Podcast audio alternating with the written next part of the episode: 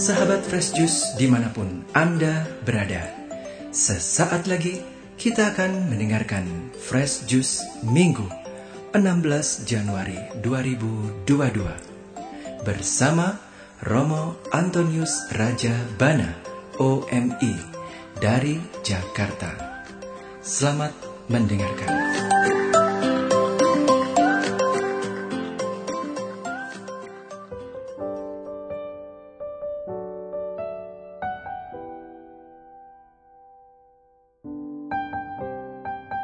Para sahabat Fresh Juice yang terkasih, hari ini 16 Januari 2022, hari Minggu biasa yang kedua.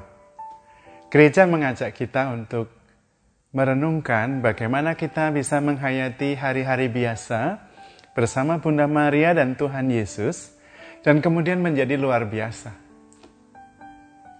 Dari bacaan yang disediakan, yaitu dari Injil Yohanes tentang mujizat mengubah air menjadi anggur, perkawinan di Kana, kita akan belajar banyak hal. Mari kita mendengarkan firman Tuhan yang disediakan oleh gereja pada hari Minggu biasa yang kedua ini.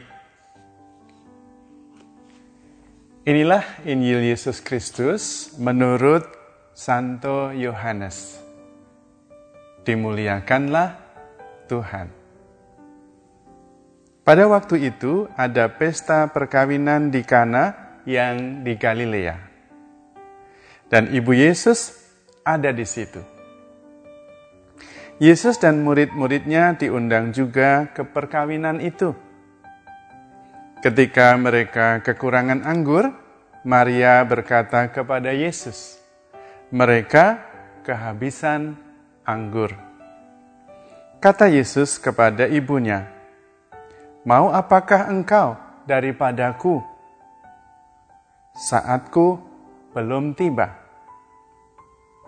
Tetapi Ibu Yesus berkata kepada pelayan-pelayan, "Apa yang Ia katakan kepadamu, buatlah."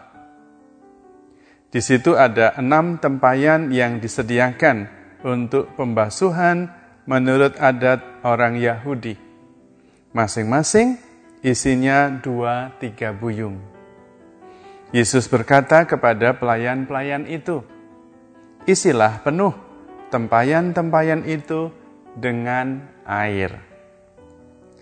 Dan mereka pun mengisinya sampai penuh. Lalu kata Yesus kepada mereka, Sekarang cedoklah dan bawalah kepada pemimpin pesta. Lalu mereka pun membawanya. Setelah pemimpin pesta itu mengecap air yang telah menjadi anggur itu, dan ia tidak tahu dari mana datangnya, tetapi pelayan-pelayan yang mencedok air itu mengetahuinya, ia memanggil mempelai laki-laki dan berkata kepadanya, "Setiap orang menghidangkan anggur yang baik lebih dahulu, dan sesudah orang puas minum, barulah yang kurang baik. Akan tetapi, engkau menyimpan anggur yang baik sampai sekarang. Hal itu dibuat Yesus di Kana yang di Galilea dan merupakan yang pertama dari tanda-tandanya. Dengan itu, Yesus telah menyatakan kemuliaannya dan murid-muridnya percaya kepadanya. Demikianlah Injil Tuhan. Terpujilah Kristus. Para sahabat Fresh Juice yang terkasih, bacaan Injil tentang perkawinan di Kana mengajak kita semua untuk belajar banyak hal. Satu hal yang bisa kita pelajari adalah bahwa Bunda Maria berinisiatif ketika pengantin kehabisan anggur. Seharusnya tentu yang berinisiatif itu pemimpin pesta atau orang yang dipercayai supaya pesta itu tidak kehabisan anggur atau tidak kehabisan makanan atau apa pun juga. Tetapi dalam hal ini Bunda Maria berinisiatif. Mengapa Bunda Maria berinisiatif? Karena Bunda Maria perhatian, Bunda Maria peduli. Itu yang perlu kita renungkan. Bunda Maria itu perhatian dan peduli. Tidak diminta pun Bunda Maria berinisiatif mencari solusi. Apa yang perlu kita renungkan dalam hal ini? Yang kita perlu renungkan dalam hal ini adalah kita perlu percaya penuh kepada Bunda Maria. Karena Bunda Maria adalah ibu kita. Selain tentu ibu Yesus. Nah, justru di situ kalau kita percaya penuh kepada Bunda Maria, jangankan diminta, tidak pun Bunda Maria akan peduli karena Bunda Maria perhatian. Apalagi sebagai seorang ibu dan ketika kita meminta pertolongannya, pasti Bunda Maria akan menolong. Yang kedua yang perlu kita juga renungkan dan mungkin juga perlu kita teladani adalah bahwa Bunda Maria percaya penuh kepada Tuhan Yesus. Maka inisiatif Bunda Maria adalah datang kepada Tuhan Yesus dan kemudian menyampaikan keprihatinannya kepada Tuhan Yesus yang juga anaknya. Mereka kehabisan anggur. Mengapa Bunda Maria melaporkan situasi itu kepada Tuhan Yesus? Karena Bunda Maria percaya kepada Tuhan Yesus bahwa anaknya pasti akan bertindak. Tidak mungkin anaknya acuh tak acuh. Apalagi kalau dia sebagai ibunya meminta pertolongan kepadanya. Dan Bunda Maria mengerti persis anaknya, yaitu mempercayakan keprihatinannya kepada anaknya dan anaknya Tuhan Yesus Tuhan kita yang baik hati itu pasti akan bertindak tidak perlu laporan detail. Anakku, mereka kehabisan anggur. Tolong kamu minta Petrus atau Yudas, bendaharamu itu, untuk pergi ke tetangga sebelah dan membeli anggur supaya pesta ini bisa berlanjut. Tidak perlu, tidak perlu. Tidak perlu. Karena Bunda Maria tahu bahwa Yesus akan bertindak. Bertindaknya apa? Nggak ngerti. Tetapi pasti akan bertindak. Karena itu cukup melaporkan keprihatinannya dan menyerahkan keprihatinan itu kepada Tuhan Yesus, anaknya sendiri. Mereka kehabisan anggur. Dan Yesus akan bertindak. Dan itulah doa yang paling ampuh. Karena doa kepasrahan, doa mempercayakan, doa melibatkan, doa yang mengandalkan Tuhan bahwa Tuhan akan bertindak. Bertindaknya apa? Monggo silahkan Tuhan yang bertindak. Dan karena itu Tuhan Yesus nggak bisa apa-apa selain bertindak. Dan kalau Tuhan Yesus bertindak, selesai. Tetapi tetap dibutuhkan kepercayaan dari pihak kita. Karena itu Bunda Maria memerintahkan kepada para pelayan, apa pun yang dikatakannya kepadamu, lakukan. Percaya penuh, tidak perlu mempertanyakan. Dan ketika di situ ada tempayan-tempayan tempat pembasuhan, dan Tuhan Yesus memerintahkan isilah tempayan-tempayan itu dengan air, para pelayan itu melakukannya. Mau apa dengan itu? Tuhan yang tahu. Kita percaya saja. Nah, di sini juga kita perlu belajar. Kalau kita sudah mempercayakan keprihatinan kita kepada Tuhan, apa pun itu, bisa mereka kehabisan anggur, bisa suami saya sakit, bisa suami saya tidak punya pekerjaan, bisa anak saya sedang ujian, apa pun. Sesudah kita mempercayakan, kita harus percaya dan melakukan apa yang harus kita lakukan. Karena kita sudah mempercayakan kepada Tuhan. Ada bagian kita yaitu percaya dan melakukannya. Sisanya Tuhan yang akan menyelesaikan.